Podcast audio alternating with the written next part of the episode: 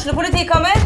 Ine Jansen er purk. Er du purk? The motherfucking bitch. Alt jeg vil, er å finne ut hva som skjedde med mannen min. Jon Carew. Er jeg sikta for noe? Iben Akeli. Det er du. Ole So, Lars Berrum og Big Daddy Karsten. Hvem sin side er du på, egentlig? Anette Hoff, Tone Danielsen, Kommer du fra Afrika?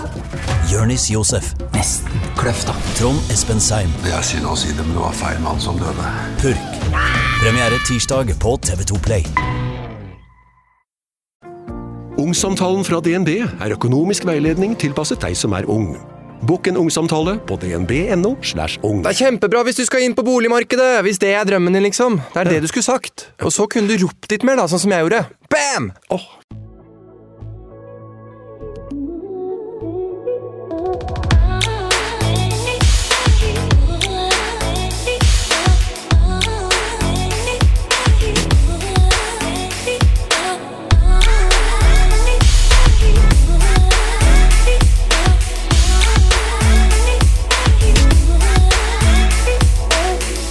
Helene er på vei inn i studio, og jeg gleder meg til å treffe henne. Hun er en skikkelig blid, driftig og kul dame, og jobber daglig for å spre treningsglede og motivasjon. Hun er online-coach og heier på en balansert livsstil. Hun deler også livet sitt med Mats Pusseropp, som kanskje noen av dere kjenner til, og jeg er litt nysgjerrig på deres relasjon. De virker som et skikkelig power couple, og for de som ikke vet det, så har de nettopp kjøpt seg Ferrari.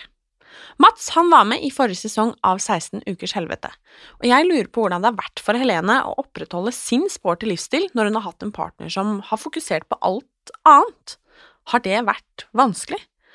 Og hvorfor har det blitt slutt hele fire ganger? Spørsmålene er mange, og nå skal vi få svar.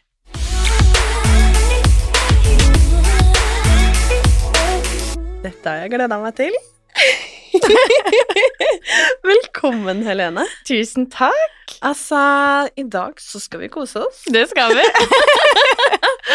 altså, vi eh, Vi, sier jeg. Jeg bare regner med at alle andre som lytter også, har gleda seg til å bli kjent med deg. jeg har i hvert fall gjort det, for at eh, jeg har fulgt deg på Instagram lenge. Det har fulgt deg veldig lenge. Ah, ja. Thank you. Eh, og liksom sett liksom eh, treninga, jobben din, det kaotiske livet med mat, Mm. eh, oppussing og alt som hører med. Og jeg har vært veldig nysgjerrig på reisen din, Mm. og liksom hvem du er, eh, og hvordan livet ditt egentlig ser ut. Ja. Eh, sånn annet enn det vi ser på Instagram, da. Em, og jeg skal ikke åpne med å begynne å stille deg spørsmål om hvem du er, for det er verdens vanskeligste spørsmål. Ja, det er dritvanskelig å svare på. Men jeg lurer på, hvor gammel er du du er? Eh, 27. Så du er født i 96? 6, Ja. ja. Hvor gammel er Mats her? Han er 95 og har blitt 28. 28. Herregud, vi snart Begynner å dra 30. på. Ja, fuck! Er ikke det sjukt? Jeg føler meg liksom sånn at jeg er maks to. Ja, jo, men jeg skjønner så godt hva du mener. Jeg, når jeg fylte 25 nå, så fikk jeg 25-årskrise, liksom. Ja, eh, for meg så bikka det da jeg var 24, for det er sånn nå, nå går det fort. Ja, men det var bare Men eh, nå har jeg landa litt i det. Det Ja. går bra. Jeg liker å tro at livet bare blir bedre. Ja, og så tenker jeg at alternativet er verre. Eh, Det er, det er en fin tanke.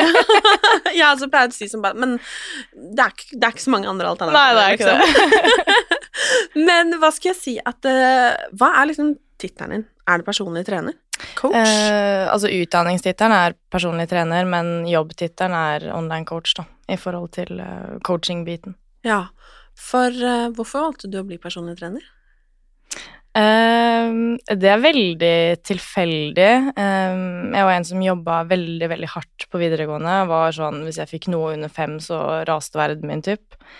Og gikk studiespesialisering med realfag og liksom skulle bruke alle disse faga, da, ikke sant, og liksom virkelig bli noe, da. For jeg så for meg at hvis du skal bli noe, så må du på en måte ha master og nesten doktorgrad. Og så var jeg ferdig med videregående, og da var jeg, veldig, jeg var helt utslitt da, etter dette karakterjaget, og liksom superfornøyd med vitnemål og sånne type ting, og det var mye press fra lærere og de rundt, og sånn, hva skal du gjøre, og jeg liksom, nei, og så liksom kikket på typ siviløkonom da, det var veien jeg egentlig tenkte. Og så var jeg litt sånn, ok, jeg må ha et friår, jeg må jobbe, og så må jeg tjene penger før jeg på en måte flytter for å studere da. Eh, og i løpet av det året så trente jeg mye, og det har jeg på en måte gjort egentlig siden starten av videregående. Eh, For det styrketrening var på en måte det jeg fant som var min greie, da. Ehm, og så var det veldig tilfeldig eh, at eh, jeg var litt sånn hm, Det hadde vært gøy å gjøre, eller ta det PT-studiet og kostholdsveileder bare for egen kunnskap. Så jeg gjorde det egentlig bare for investering i meg sjøl, og så fant jeg ut mens jeg holdt på med det at herregud, det er jo her jeg skal være, ja. Det her er liksom retninga jeg vil gå, men da følte jeg veldig på det med at liksom skal jeg ikke bruke på en måte karakterene mine og alt det her til en bachelor eller master, da. Eh, men det var ikke det som var tydeligvis min vei, da. Det var ikke det som var ment. Nei, men jeg syns det er litt fint òg, jeg. Ja. At veien blir jo til mens man går, og at man Den ikke må liksom nødvendigvis sitte på skolen, altså benken, hele, halve livet. Ja, det, og så visste jeg aldri hva jeg ville. Jeg var alltid så misunnelig på alle vennene mine som er sånn En skulle bli sykepleier, en skulle bli eh, sosionom, en skulle bli lege, og jeg var sånn Jeg vet da pokker hva jeg vil. Så jeg kunne liksom egentlig ikke hoppe på noe rett etter videregående. Og så hadde jeg alltid en sånn magefølelse på at hvis jeg hadde gått den siviløkonomveien Det var så mye fordi søstera mi hadde gjort det. Så jeg følte liksom sånn Ja, gå i hennes fotspor og greier, da, for hun er jo ti år eldre enn meg, så hun er jo voksen. Eller var voksen på den tida også. um, men det var ikke det som uh, føltes riktig i det hele tatt. Men uh, du nevnte at eh, styrketrening var liksom noe du fant på, på videregående. Mm. Og da lurer jeg på, har du trent før det, eller var det liksom Var du aktiv når du var yngre enn det òg? Eh, ja, jeg har drilla okay. i mange år. Det er mange som ikke vet. Eller vet hva er det? kommer det fram! Og så spilte jeg selvfølgelig håndball, da, fordi alle vennene mine gjorde det. Men uh, jeg likte ikke det. Jeg syntes ikke lagidrett var noe gøy. Jeg likte ikke å forholde meg til andre tider på når jeg skulle trene. Og i den håndballhallen vi trente i, så var det sånn vindu opp til andre etasje hvor jeg så inn på et treningssenter. Så jeg gikk liksom og gleda meg til å bli Jeg husker ikke om det var 14 eller 15, for jeg liksom følte sånn Her jeg har lyst til å prøve det de gjør. Det så så gøy ut å løpe på mølla, det så så gøy ut å løfte vekter, da. Så så fort jeg ble gammel nok til å kunne melde meg inn og gjorde det, så slutta jeg på håndballen, og så så jeg meg aldri tilbake. For da fant jeg ut ok, det er egen trening som er min greie, da. Og der jeg syns det er moro å være, ikke minst. Det ga meg glede, for det gjorde ikke håndballen annet enn det sosiale. Ikke sant? For nå har jo Føler i hvert fall jeg trening blitt hele din verden, på en måte. Jeg tror det ser mer sånn ut, for jeg er liksom veldig rolig og balansert på det. Jeg er ikke noe manisk liksom på noen som helst måte, og trener fem-seks økter i uka. Ja, det er mye, men det er liksom ikke sånn tre timers økter og sånn. Jeg er sånn, Jeg er dritfornøyd med 45-50 minutter, maks en time, på en måte. Så det er jo en del av, stor del av identiteten min at jeg er på en måte aktiv, men jeg tror det ser ut som at jeg på en måte trener mer, eller at det er en større del av livet mitt enn det det er, da, for det er jo som en rutine jeg på en måte bare gjør, sånn som andre gjør andre ting, på en måte. Mm. Hvor viktig har trening blitt for deg? Ja, det er dritviktig. Jeg har det ikke bra uten. Det er eh, den liksom Det å bruke kroppen, eh, sant, hente ut den mestringa, eh, stoltheten som ligger i det, eh, hvordan, hva du gjør med hodet, er liksom det som er aller viktigst her. At eh, hvis jeg går eksempel en uke eller to uten av av sykdom, eller hvis jeg har vært bortreist eller noe sånt nå, og du begynner å føle deg sånn skittig på innsiden, eh, og bare ha én økt etter det, og så er det bare sånn ah, alt var snudd. Og så bare skjønner man den effekten trening på en måte har på hvordan du føler deg, da. Tok det lang tid før du catcha den, eller kom den med en gang? Nei, det tok litt tid. Ja, for jeg bare Ja. vet at folk syns jo det kan være veldig hardt å begynne, liksom. Ja. Eh, og nå virka det litt som at du kanskje hadde litt den gleden fra, fra starten av. Ja, jeg hadde gleden med at jeg fant noe jeg syntes var gøy, men jeg, jo, jeg var jo så ung òg. Det tok jo noen år før jeg på en måte virkelig skjønte effekten av det, hvordan det påvirka meg, da. Litt som at jeg kanskje følte meg bedre og kjente på mestring uten at jeg klarte å koble det til treningen da jeg var 15, på en måte. Eh, ja. Hvordan uh, forhold har du til uh, liksom Jeg tenker sånn, man er personlig trener, man Mm. jobber med trening, mat, kunder, altså alt det her. Hvordan klarer du å skille på hva som er trening for egen fritid, og hva som er jobb? Det er jo ikke alltid så lett, fordi Nei. trening er jo ofte en del av arbeidsdagen fordi det skal filmes eller lages eh, innhold, men jeg er veldig nøye på at det er min tid, og jeg filmer uh, etter når jeg vil. Sånn som Jeg legger jo ikke ut alle styrkeøktene i uka i det hele tatt. Det er kanskje én eller to man ser, fordi at det er, så, det er så viktig for meg at det får være For jeg jobber så mye, så trening må få lov å være på en måte mitt fristed, da. Og så filmer jeg på min bekostning, ikke på andres. Altså på når jeg føler at det liksom føles riktig, ikke på hva på en måte følgere eller andre forventer. Da. Så jeg føler jeg finner en ganske fin balanse på uh, den biten der. Jeg uh, har litt lyst til å spørre deg, eller stille deg et spørsmål, eh, og det er om hvordan forhold du har til, til kropp og mat og trening, og hvordan det har vært fram til i dag. Eh, forholdet mitt er superbalansert, egentlig så bra som jeg på en måte framstiller det. Jeg har null problemer med på en måte liksom, kosthold og mat og matvarer og den biten her. Selvfølgelig har jeg dårlige dager som alle andre, hvor jeg føler meg liksom plutselig Hvalross, på en måte, og skjønner at det ikke er reelt, men at du bare er helt sånn øh, Føler deg på en måte dritt, da, og det skjer jo, tror jeg, uansett hvordan man på en måte ser ut. Eh, men det har jo selvfølgelig ikke alltid vært sånn. Jeg har jo vært på en måte innom perioder hvor eh, det ikke har vært eh, et sunt forhold, da, spesielt på videregående så var det mye Nutrilett og knekkebrød og Jeg hadde en periode hvor jeg var sånn Jeg må løpe fem kilometer før styrkeøkta, hvis ikke så var det ikke en fullverdig økt. Fordi jeg tenkte at jeg ble ikke ordentlig sliten av en overkroppsøkt, da. Men det var jo før jeg visste bedre. Jeg trodde jeg måtte ha skyhøy puls og være gjennomsvett ikke sant, for at treninga skulle vært effektiv.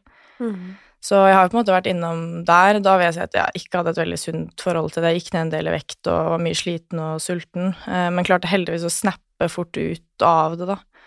Um, tipper det varte kanskje et år, halvannet, før jeg skjønte at dette er ikke helt bra. og klarte å, å, gå ut av det og på en måte fikk mer kunnskap òg, da. Og alltid lest mye rundt liksom, ernæring og rundt uh, trening og den biten der. Så det her var jo da i perioden hvor jeg begynte å sette meg mer inn i ting, da, hvor interessene for å faktisk forstå hvorfor jeg gjør som jeg gjør, hvorfor spiser jeg som jeg gjør, hvorfor trener jeg som jeg gjør, eh, økte. Mm. Så med kunnskap så kom det også trygghet. Det er derfor jeg alltid sier sånn kunnskap er makt, for hvis du forstår ting, så tror jeg mye av frykten blir tatt vekk. Jeg tror folk er livredde for kalorier, for de vet ikke hva kalorier er. Kalorier er bare energi. Hadde man forstått hva kalorier er, og hva det gjør med kroppen, og at det egentlig bare er bensin og noe vi, Altså, vi må ha det for ikke å dø, liksom. Eh, så hadde det blitt så mye mer ufarliggjort, da. Og når jeg begynte å få den forståelsen med hva kroppen trenger, hvorfor den trenger det, og hvordan den jobber med det den får, så var det sånn Å ja, da var jo ikke ting så skummelt lenger, på en måte. Skjønner. Ja. um, nå har du jo også fått en uh, treningsglad mann. Ja. Hvem skulle tro? uh, og det har jeg litt lyst til å snakke, snakke om. Mm. Um, hvor lenge har dere vært sammen? Syv år. Syv år? Ja da. Og til sommeren skal dere gifte dere? Ja. stas. Så stas. Veldig. Hvor lenge har dere vært forlova? Um, siden uh, 21. desember 2019, så er vel tre Ja, snart Vi gifter oss vel på tre og et halvt år. Ja. Vi skulle egentlig gifte oss i 2021, men uh, corona. ja, ikke sant. Ja. Hvordan uh, Eller fordi Vi kan jo fortelle, da, at mm. Mats var med på uh, programmet 16 ukers helvete, og etter mm. det så virker det som at han har blitt veldig glad i å trene. Ja, men hva skal jeg si at eh, Hvordan er det for deg, hvordan har det vært å ha en samboer som ikke har vært eh, glad, er kanskje feil å si, men som mm. ikke har trent og vært i fysisk aktivitet. Eller det har han jo vært. Han har jo hatt en veldig fysisk jobb. Ja, ja. Men eh, ikke har liksom stukket på trening og levd samme type livsstil som deg.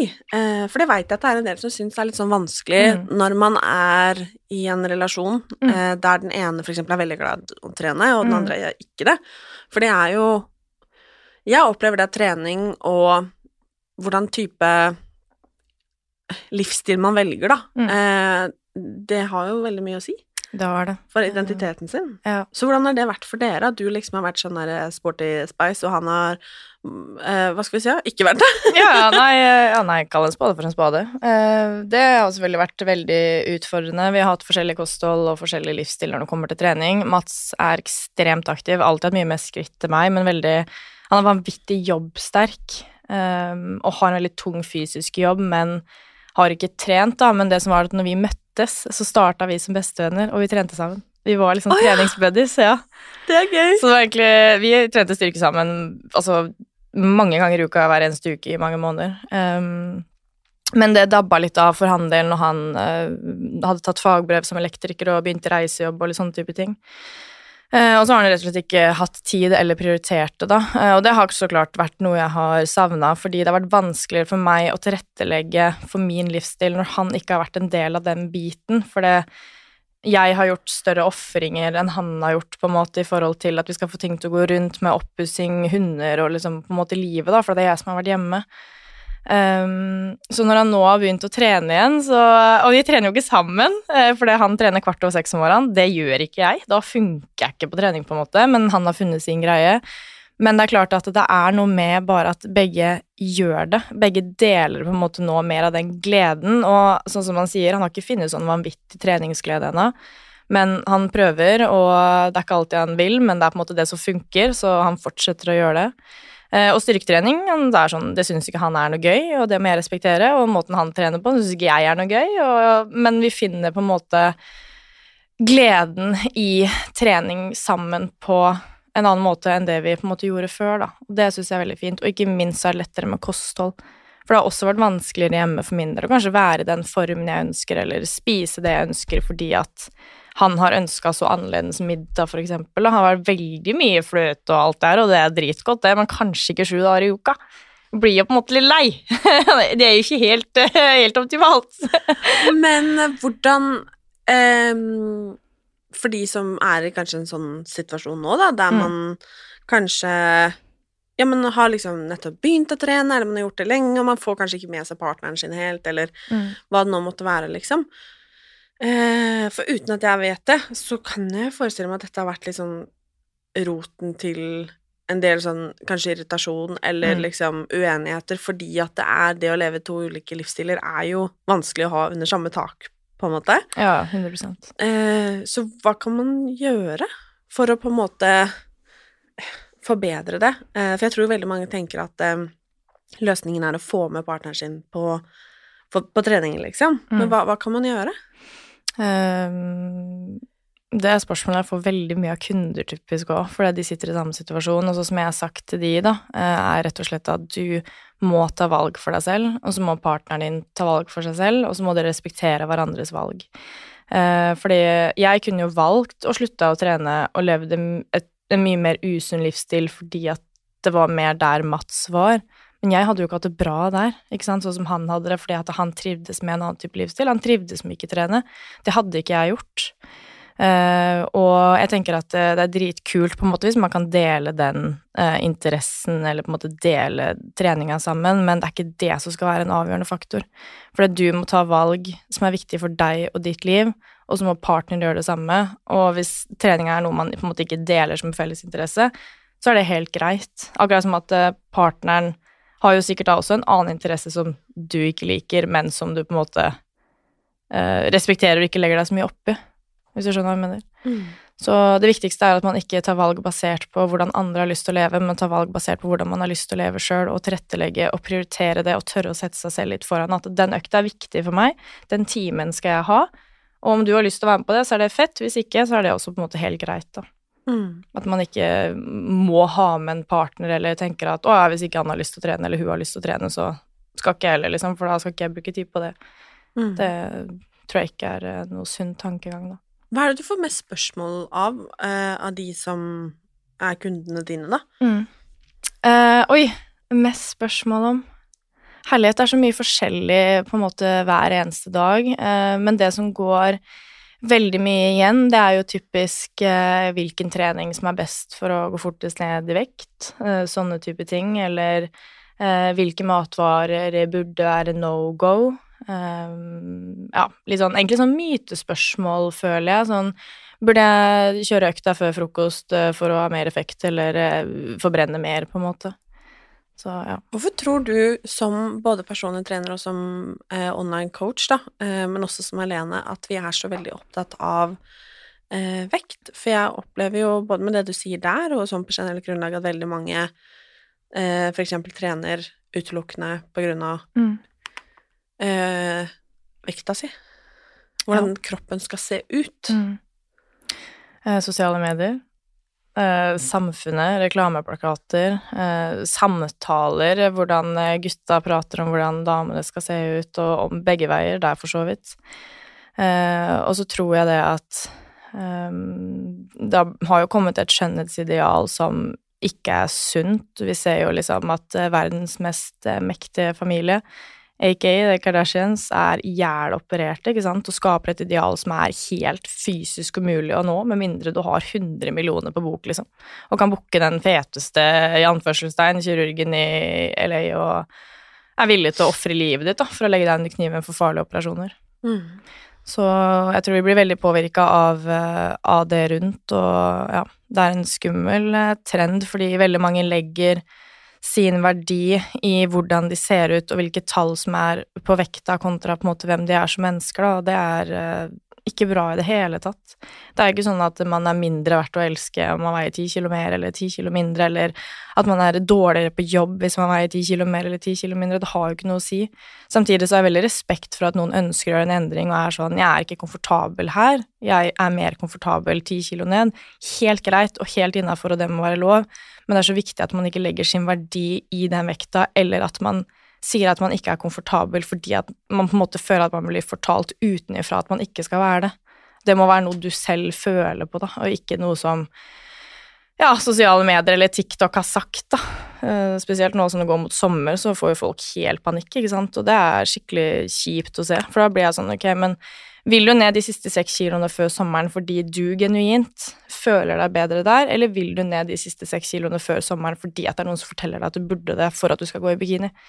Og da er det veldig mange som er sånn Ja, nei, ser jo på Instagram og sånn, så er jeg sånn Ja, men mye av det er redigert Mm. og posert. Og de som legger ut bikinibilder Altså, vi vet jo hvilke vinkler som er best. Vi vet hvilke lys vi skal ta i. Og dessverre så er det mange som redigerer, og så alt blir så urealistisk, da. Så jeg føler mange også blir skuffa når de går ned i vekt, for den magen er jo ikke flat hele tida. Den er kanskje flat når du våkner, og så tar du et par glass vann, og så lever kroppen din. Den vil jo forandre seg, ikke sant. Den er jo dynamisk. Og så føler man aldri at man kommer i mål, da, for den magen vil jo aldri være flat 24-7, sånn som de eksempel ser på Instagram, da. På en eller annen Victoria's Secret-modell som ikke har spist siden forrige uke, på en måte. Så ja. Det har jo blitt eh, litt eh, sånn halvtrendy, holdt jeg på å si, å prate om eh, hva skal man kalle det, slankemedisiner, for eksempel. Mm, ja. Er det noe du møter i jobben din, og som du ser? Eh, fordi alle vil jo aller helst ha en quick fix. Ja, det vil de. Men eh, hadde det vært så lett, så tenker jeg da hadde vi jo ikke hatt noe overvekstproblemer eller noen ting, da, hvis det bare hadde vært å knipse, på en måte. Um, ja, denne slankemedisinen, jeg tenker det at uh, du skal ikke ta diabetesmedisin hvis ikke du har diabetes. Uh, så enkelt er det på en måte, og den kommer med vanvittig mye bivirkninger som ikke blir vist. Um, jeg har jobba med en som fikk denne på resept av lege, uh, og det sa var sånn Ja, jeg raste ned fordi jeg spøy 17 ganger om dagen. Jeg blei så dårlig av det og måtte stoppe med det, da. Eh, og heller da komme til meg og så på en måte ville prøve å gjøre det på en litt annen måte. Og uten å nevne navn, så er det en influenser som har vært ute nå de siste dagene i sosiale medier og, og eh, lagt ut at han har fått tak i denne medisinen da, og skal bruke den, og legger ut hvor fort man går ned vekt og sånn, og da kjenner jeg at det blør i evva mine, liksom. Jeg blir sånn Er du helt skækk? Og det har jo vært eh, ikke jeg husker helt feil, så var det vel lagt ut at eh, det var mangel på diabetesmedisin for de som hadde diabetes fordi at folk bruker som slankemedisin. Og da ble jeg sånn Er man helt blåst i huet sitt? Og er legen helt blåst i huet sitt? Det er ikke noe quick fix. Sorry, ass. Ja, du kan godt gå på den medisinen, og så kan du gå ned jævlig fort, men du har ikke etablert en livsstil som tilsier at du skal holde det. Det hjelper jo ikke å slanke seg med en eller annen quick fix-dialekt. en eller annen eh, quick fix-diett, hvis ikke du har etablert en livsstil for hvordan du skal leve for å holde den vekta videre. For det er der nøkkelen ligger, ikke sant. Og det er det som er skummelt med dietter òg, at uh, hvis du velger uh, ja, ta en helt random diett, si lavkarbo, da. Eh, For noen så funker det superfint som en livsstil, spesielt hvis man sliter med insulinresistens eller andre sykdommer da, som gjør at man burde spise lavkarbo.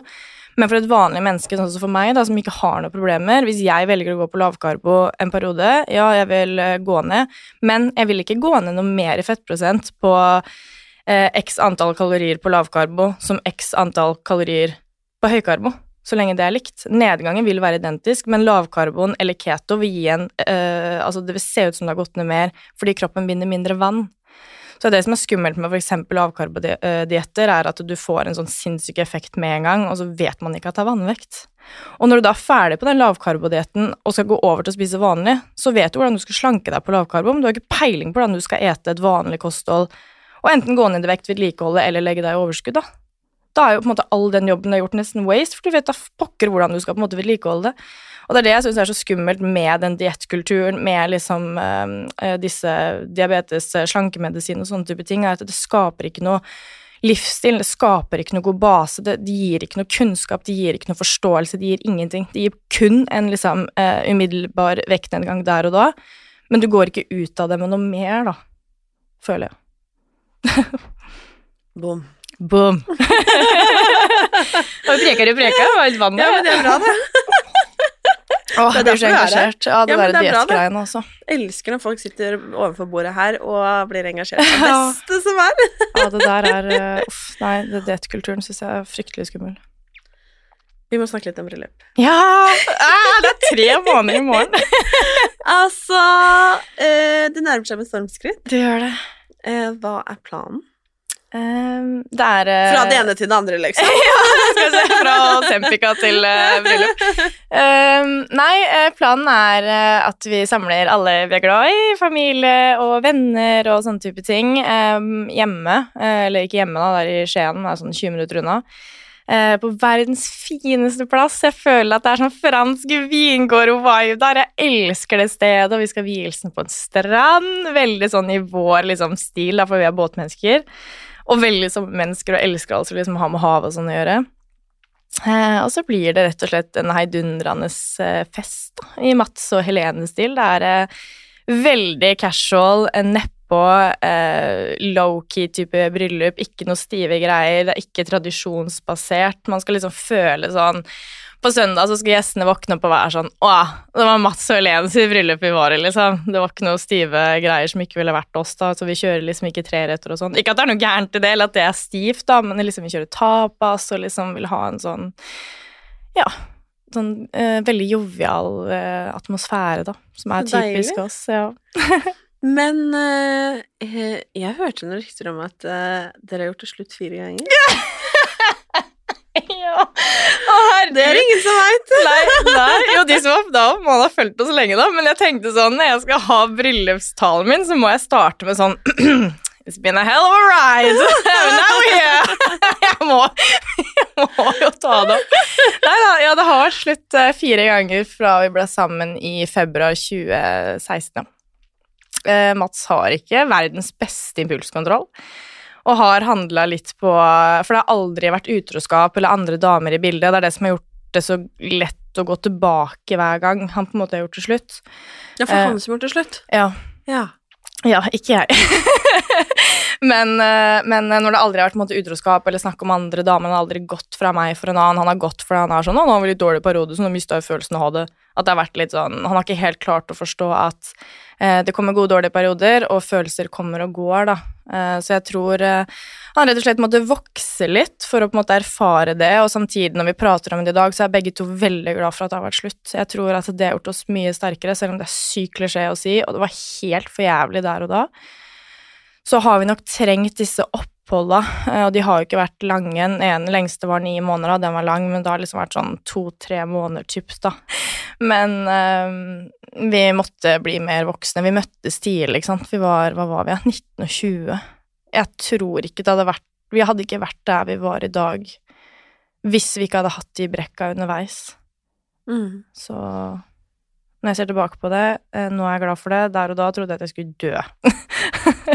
Kjærlighetssorg. ja, fy fader, det der, det er helt Det er sjuke, sjuke greier.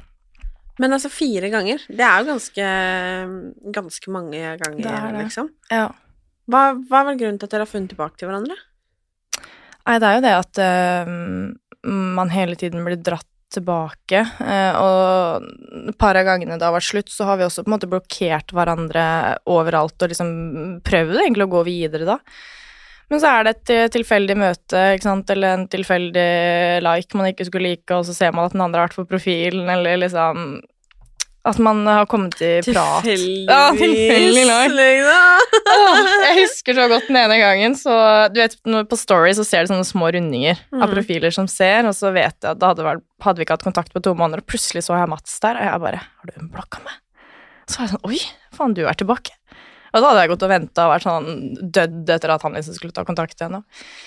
Eh, og så er det liksom bare ett møte, og så har vi på en måte vært sammen igjen. Så det har egentlig vært tullete grunner til å gjøre det slutt. Dårlige grunner. Det har ikke vært det at det har vært veldig dårlig, på en måte, men vi har også vært et veldig Hva heter det på norsk? En sånn fiery couple. Sånn mye temperament, mye energi. Eh, prater litt uten å tenke oss om begge to, og har kunnet vært veldig slemme med hverandre, da. Eh, altså vokalmessig, med ord.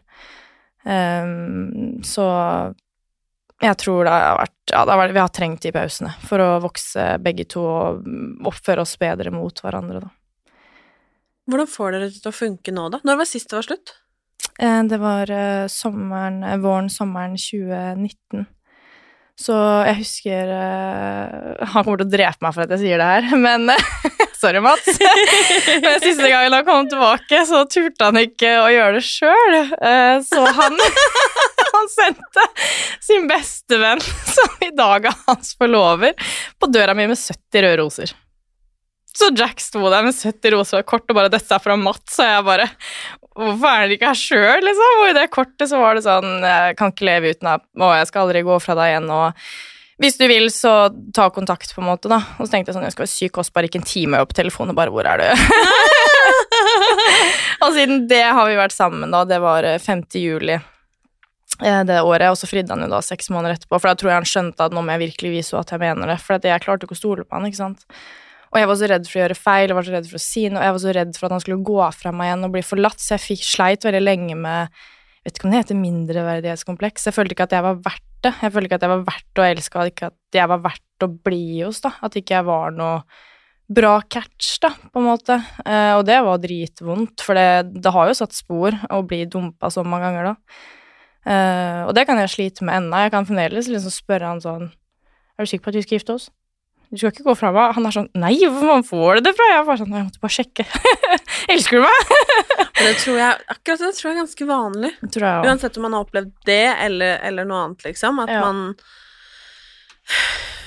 ofte, kanskje spesielt hvis man er jente, Ja. at man har litt sånn behov for å sjekke inn innimellom. Ja. At bare 'hallo, er du der sånn egentlig', Mm. liksom? Er det 'hallo'? Ja. Og så får jeg litt dårlig samvittighet òg, da, fordi han behandler meg liksom så bra nå, vi har det så fint, og så allikevel så kan jeg få sånn en sånn stikk i magen hvor jeg bare føler at å, nå må jeg bare sjekke om han faktisk har lyst til å gifte seg ennå. Så er det sånn, jeg har fridd til deg, liksom. Det Jeg skal, jeg skal ikke noe plass. Jeg er bare sånn, nei, ikke jeg heller. ok, ja, men da, det er bra, da. Er liksom bra ståa. Så um, ja. Men hva gjør dere da for å få forholdet til å fungere? For det er et av de spørsmålene jeg får, får mest. Vi har jo Mm. vært sammen i eh, herregud, over åtte år nå. Og eh, vi har bare hatt én sånn. En sånn? Ikke fire. Men eh, Og det får jeg ofte spørsmål om. Ja, hvordan får dere det til å funke? Så jeg lurer på hvordan får du og Mats det til å funke?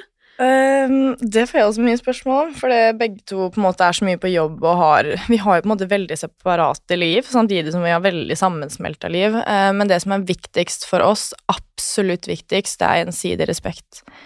Og at begge respekterer det den andre har lyst til, både jobbmessig, altså karrieremessig, eh, hobbymessig, treningsmessig, altså alt.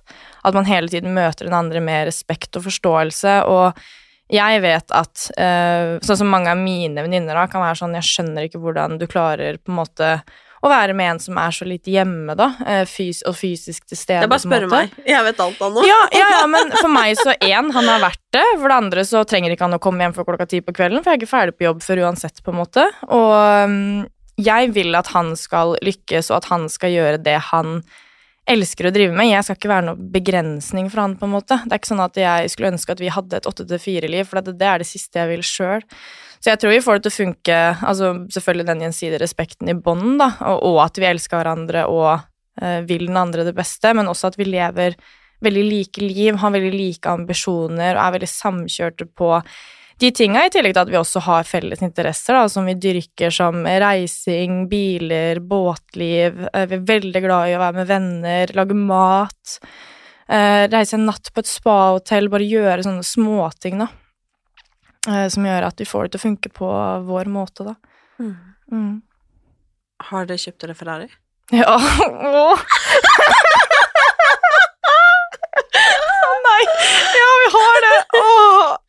Og han var sånn Se for deg de bryllupsbildene med en Ferrari! Og jeg bare Vi kan sikkert leie en, liksom. Han bare sånn Nei, nei, må jo være vår egen, da. Og så var jeg sånn Og når han da vil noe mot bryllupet, for det er jeg som planlegger alt, så når han først har en idé da som er mot bryllupet, så blir jeg litt sånn Åh, det er så koselig at liksom han har liksom ideer og sånn, da, selv om man ikke altså, Kjenner meg litt igjen i det. Åh, ja. Eh, altså, men herregud, man har jo alltid drømt om en Ferrari. Har man ikke på en måte det, da? Eh, jo, det er jo sånn man sier sånn Hvordan blir vi da? Nei, vi har en Ferrari. Ja. Og dere har, har en Ferrari nå? ja, nå har vi en Ferrari. Vi hadde jo solgt eh, en av de andre bilene vi hadde to uker før, så da var vi litt sånn Oi, jeg har fått tilbake egenkapitalen, og skal kanskje kjøpe en ny bil? Var det ja, fram og tilbake, og Mats er jo mye mer bilgæren enn det er. Men så er det en felles interesse, ikke sant. Vi syns det er dritgøy, og for oss er det verdt investeringa og det tapet, da, for det skal folk vite. Man taper mye på det. Det er ikke rosenrødt å ha bil som hobby i det hele tatt. Men unnskyld meg, drar du på Kiwi med Ferrari? Ja, det har jeg åh, ja, det også jeg stressa som, vet du. For jeg har sagt til Mats sånn, det er bare Ronaldo som kan stikke og kjøpe melk i en Fayoye, liksom. Jeg kan ikke vatte opp på Kiwi da, og komme i jogge, så han bare Kan du vel? Jeg bare Vi bor i Porsgrunn. Det er så kleint, så når jeg har vært på butikken, så har jeg liksom parkert lengst unna. Og så hvis jeg har vært noe på parkeringsplassen, så har jeg liksom sittet i bilen og venta til folk har gått vekk. Og jeg syns det har vært så flaut, men nå har jeg liksom blitt litt mer sånn varm i trøya og klarer å stå i det, da. Men det er jo til syvende og sist janteloven som kommer og biter meg i ræva. At ikke jeg skal tro jeg er noe, at folk er sånn øh, øh, pappas bil, eller øh, øh, typen sin bil, eller hva det måtte være, da. At jeg blir brydd fordi jeg tenker på hva andre tenker, i stedet for at jeg tenker sånn fy faen, så fett at vi har fått til det her fordi vi jobber så jævlig hardt. Og det her er noe vi har drømt om. Jeg har alltid snakka om Ferrari, i alle år, på en måte. Så det er ikke noe spont altså det var spontant at det ble akkurat her og nå, men ikke spontant i forhold til at det er en bil vi har vært sånn Hvis vi får muligheten, så må vi innom den, på en måte, da. Ja. Heia dere, sier bare jeg. ja åh, det er veldig gøy å kjøre nå. Det er helt sjukt. Får man være med på en roadtrip, kanskje? Ja, selvfølgelig. Plukker opp, og så tar vi en lunsj. Nydelig. Oh, herregud. Men uh, har dere lyst på barn? Nei, vi har ikke det. Um, jeg har lyst til å ha lyst, men jeg har ikke lyst. Og Mats har virkelig ikke lyst. Og hadde jeg blitt gravid i dag, så vet jeg at jeg ikke hadde beholdt. Um, så vi er der på en måte at vi er veldig samkjørte på at vi ikke har lyst på. Uh, og det handler mest om at uh, jeg ikke identifiserer meg med barn. Uh, ikke veldig glad i barn, jeg er veldig glad i babyer. Jeg synes de er dritnydelige fram til jeg er rundt sånn ett år, og så syns jeg det blir veldig vanskelig å forholde seg til disse små menneskene. Og jeg har to tanteunger da, som jeg liksom forguder, men jeg er ikke så veldig glad i liksom, andre unger utover det. Da blir jeg veldig stressa. Eh, samtidig så klarer jeg ikke å se for meg å være aleine når jeg er 60, på en måte. Um, så nei, eh, vi har ikke lyst på, men jeg håper jo at det snur, da, og kanskje får én når jeg er 40, men jeg har heller ikke noe behov for at den er biologisk, så for min del kunne jeg like godt adoptert ved fødsel, typ, da. Jeg har ikke noe behov Jeg kjenner ikke det derre kvinnelige instinktet på å være gravid, på en måte, da, eller ha barn, og Karriere er jo også noe som selvfølgelig vil stå i veien for det. Vi er to stykker som jobber liksom 12-14 timer om dagen, øh, og mer øh, i perioder, og begge har en karriere som ikke helt har rom for det, på en måte. For det ene av oss måtte jo ofre tid, men hvem skal det være? Og jeg er veldig sånn Ikke meg, bare fordi jeg er kvinne. Jeg kan ikke gå hjemme et år, det har ikke jeg karriere med lenger. Og han er jo også sånn. Så jeg bare føler at vi er ikke på et sted hvor du uansett hadde gått opp, da, så det blir jo ikke noe tema på en måte heller. Men så fint at dere er samstemt om det, da. Ja, ja. Tross alt, liksom. Det hadde Ja. vært Det er jo grunn til å ikke gifte seg, hvis den ene vil og den andre Ja, ikke ja, vil. 100 Liksom. Eh, men har det alltid vært sånn, eller er det noe som liksom Nei, jeg hadde veldig lyst på barn da jeg var liten. Ja, du hadde det? Ja, mamma sa alltid at hvis hun mista meg på matbutikken eller på kjøpesenteret, så var det bare å se til nærmeste barnevogn, så hang jeg over der. Ja. Så jeg var veldig glad i barn da jeg var mindre, men jeg vet ikke hvor det snudde, for å være helt ærlig. Jeg bare Det er ikke Jeg er så glad i det livet jeg lever nå, da, med den friheten jeg har, og på en måte Og det livet meg og Mats lever, og vi har så mye vi vil gjøre, det er så mange steder vi vil reise, det er så mange flere prosjekter vi vil ha, det er så mye investeringer vi har lyst til å gjøre hvor ikke barn på en måte helt passer inn i den livsstilen. da. Så jeg tror det bare har blitt sånn. Mm. For det var ikke sånn når vi ble sammen at begge var sånn Ingen av oss skal ha barn. Det har bare blitt, blitt sånn med tida, da. At ingen av oss ser for oss det nå. Selv om eh, folk rundt meg blir gravide og får barn. Jeg har en venninne som har to barn, liksom. Dritsøte og liksom kjempehyggelig å hilse på de når jeg er der. Men det er ikke sånn at jeg tenker sånn å, nå rasler de eggestokkene'. Det er litt sånn å, prevensjonsmiddel. Altså, jeg er glad at jeg kan reise når de skriker. Selv om de er verdens søteste. Sånn er det med tantebarna mine òg. At jeg kan være sånn sjalabais, nå skal jeg sove i åtte timer, liksom. Så ja. Men det er fair, det. Ja, ja. Det er eh, Men eh, Hva skulle jeg si at eh, hva, hva drømmer du om? Hva håper du liksom at dere og du får til i løpet av liksom livet, da? Altså hvordan håper du at livet ser ut om, la oss si ti år, da? Oi, det er også sånn verdens vanskeligste spørsmål. Jeg vet det. Eh, Drit i tidshorisonten, men hva, liksom, hva har du lyst til å få til? Um, jeg håper at om det er om to år, eh, tre måneder eller om ti år, at begge to eh, er i jobber vi trives med eh, og er lykkelige og genuint brennende for. Um, og så håper jeg at vi fortsetter å gjøre de tinga vi gjør, og dyrker på en måte både interesser og karrierer og livsstil og hva det måtte være. Og så drømmer også begge to om å drive mer med utleie. Uh, mindre flipping og mer utleie, da. At vi driver et utleiefirma sammen. Og vi driver et firma sammen i dag, uh, men det har vi brukt til å flippe boliger. Eh, men ja, vi har liksom lyst til å gå satse mer på eiendom. Eh, Mats har lyst til å satse mer på TV, så jeg bare håper at begge to på en måte gjør det som gjør oss glad, da. For det som er så digg med forholdet vårt, er at det er aldri noe, noen som gruer seg til mandag eller gleder seg til helg, med mindre det skjer noe gøy, da, selvfølgelig. Sånn som jeg gleder meg kjempemye til denne her, for det er liksom teamsamling med jobb og sånne type ting. Men det er liksom veldig lite klaging og veldig lite sånn Vil ikke gjøre ting, eller hva det måtte være, da. Så jeg bare håper at vi er på gode steder, at vi er friske, eh, har liksom god helse, har gode venner og trives med det de gjør, liksom. Da, da er jeg dritfornøyd, rett og slett. Så deilig. Mm. Jeg er veldig tilfreds med sånn livet er nå, så jeg har ikke noe behov for at det skal endre seg mye de neste ti åra, da. Men at vi på en måte ja, kanskje har kommet lenger på dette utleiefirmaet, da. Sammen. Jeg gleder meg til å følge med. Jeg er spent sjøl. Herregud. Tusen takk for at du hadde lyst til å komme og skravle litt med Takk meg. for at jeg fikk komme. Veldig koselig. Altså, en miks av, uh, av livet sjøl. Ja, det var godt å blande. Det var godt å blande, men det er nydelig, det. Helt Det er eh, mye godt i den der godt å blande-posten. Ja, det er det. tusen, tusen takk, Helene. Takk.